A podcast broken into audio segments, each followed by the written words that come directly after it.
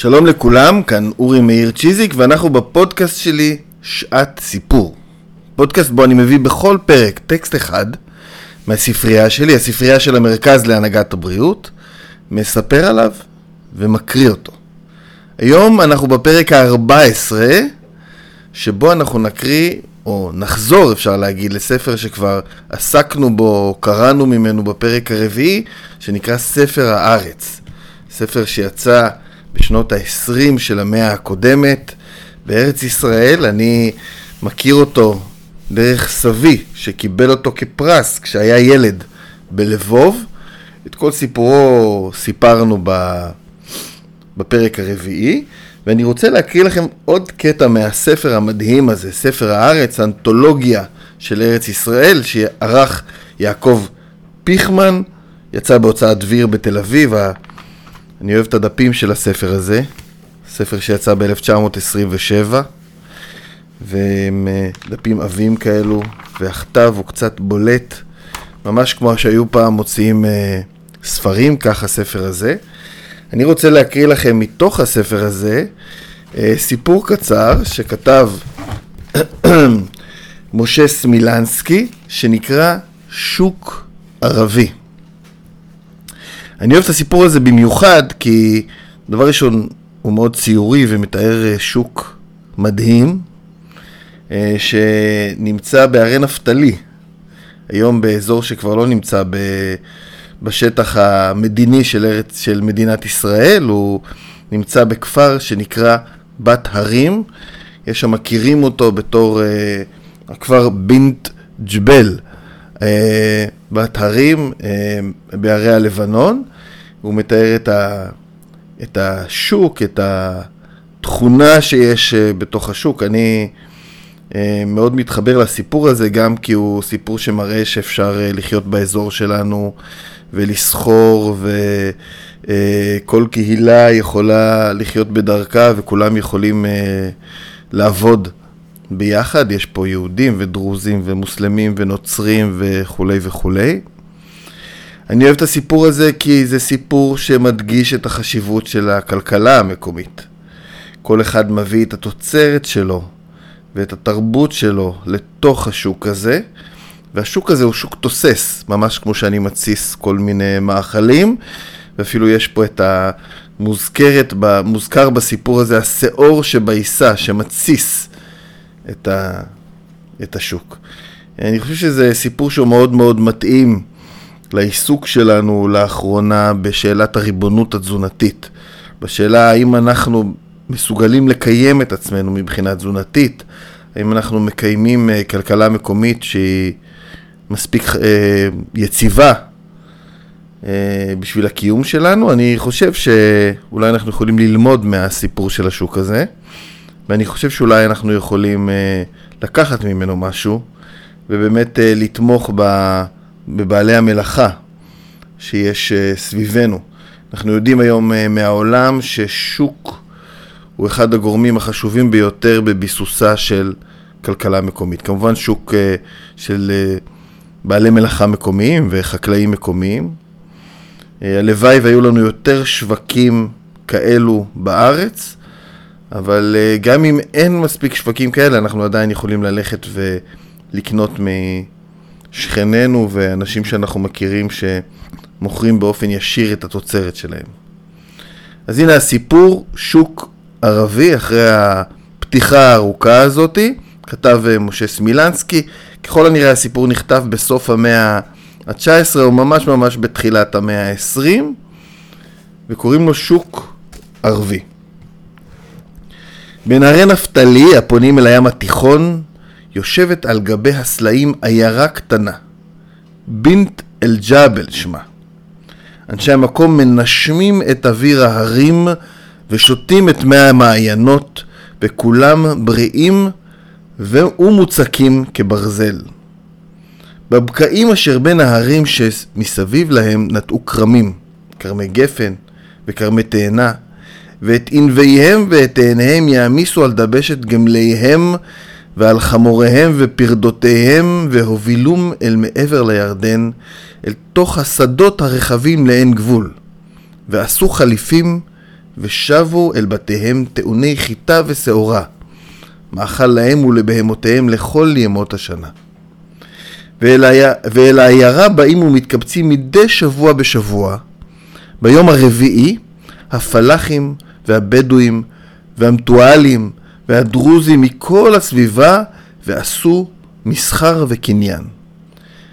ורב מספר האנשים הבאים אל בינט אל-ג'בל מכל הסביבה. וגדול ועצום מספר הבהמות המובאות לשם, ואין קץ לתבואה, לפירות ולסחורות השונות המובלים לשם. וגם הסוחרים מחיפה ומעכו, מצפת ומטבריה, מצידון ומצור, באים אל השוק למכור ולקנות. והייתה בנט אל-ג'בל יונקת מכל הסביבה ומעניקה את כולה. וכל יושבי הערים אומרים, מי שלא ראה את יום הרביעי בבינט אל-ג'בל, לא ראה שוק מימיו. הנה שולחנות המרזח בעבודתם. מאחורי השולחנות נשחטת פרה או כבשה, ובו במקום מפשיטים את האור ומנתחים את הבשר. תכף לשחיטה צולים את הבשר בשיפודי ברזל על גבי גחלים, והצלי נמכר מיד לאורחים הרבים האוכלים אותו בידם.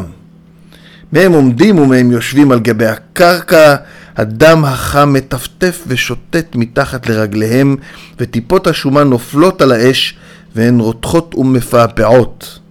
סמוך להם מונחות על גבי הקרקע ערימות ערימות של ירקות שונים, ובין ערימה לערימה קליפות הפירות הנאכלים, ובצידם כלים מכלים שונים, כלי חרש, כלי נחושת, מרחש, מרחשות, הכל בערבוביה. ובתוך אוהלי בד יושבים הסוחרים העירוניים, סוחרי בד ואתון, והאריגים מוטלים ציבורים זה על גבי זה, ומושלכים על גבי הקרקע. והנה גם שוק הבהמות, המהומה גדולה כאן כפליים.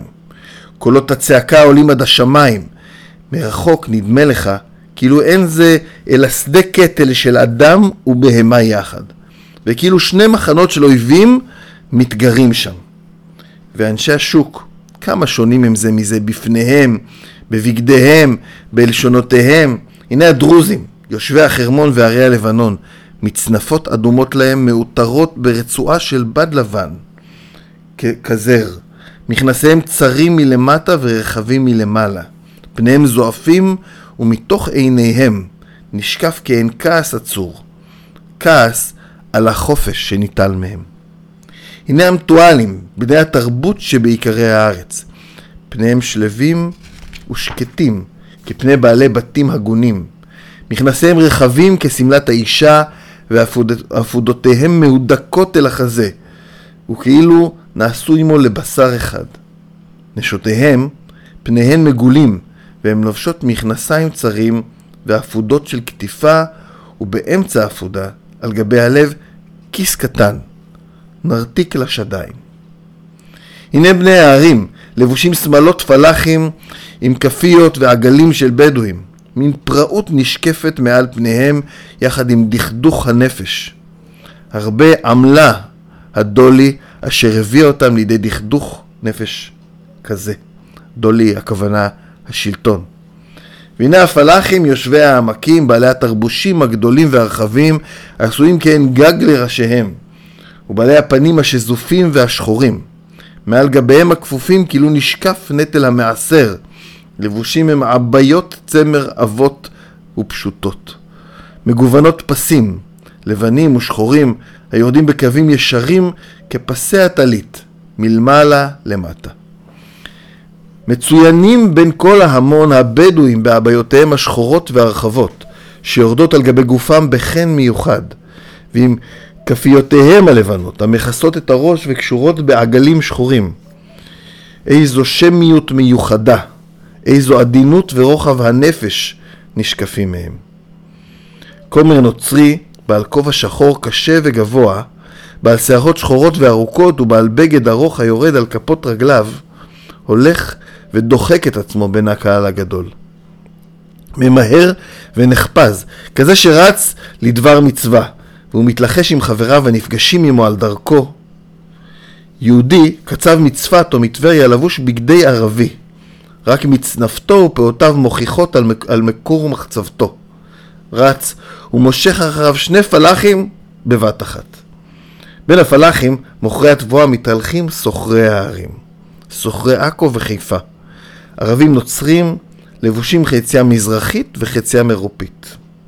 על פניהם עורמה וחוצפה מיוחדה, ותנועותיהם המהירות ועסקיהם המרובים מעידים על חריצותם הסוחרית.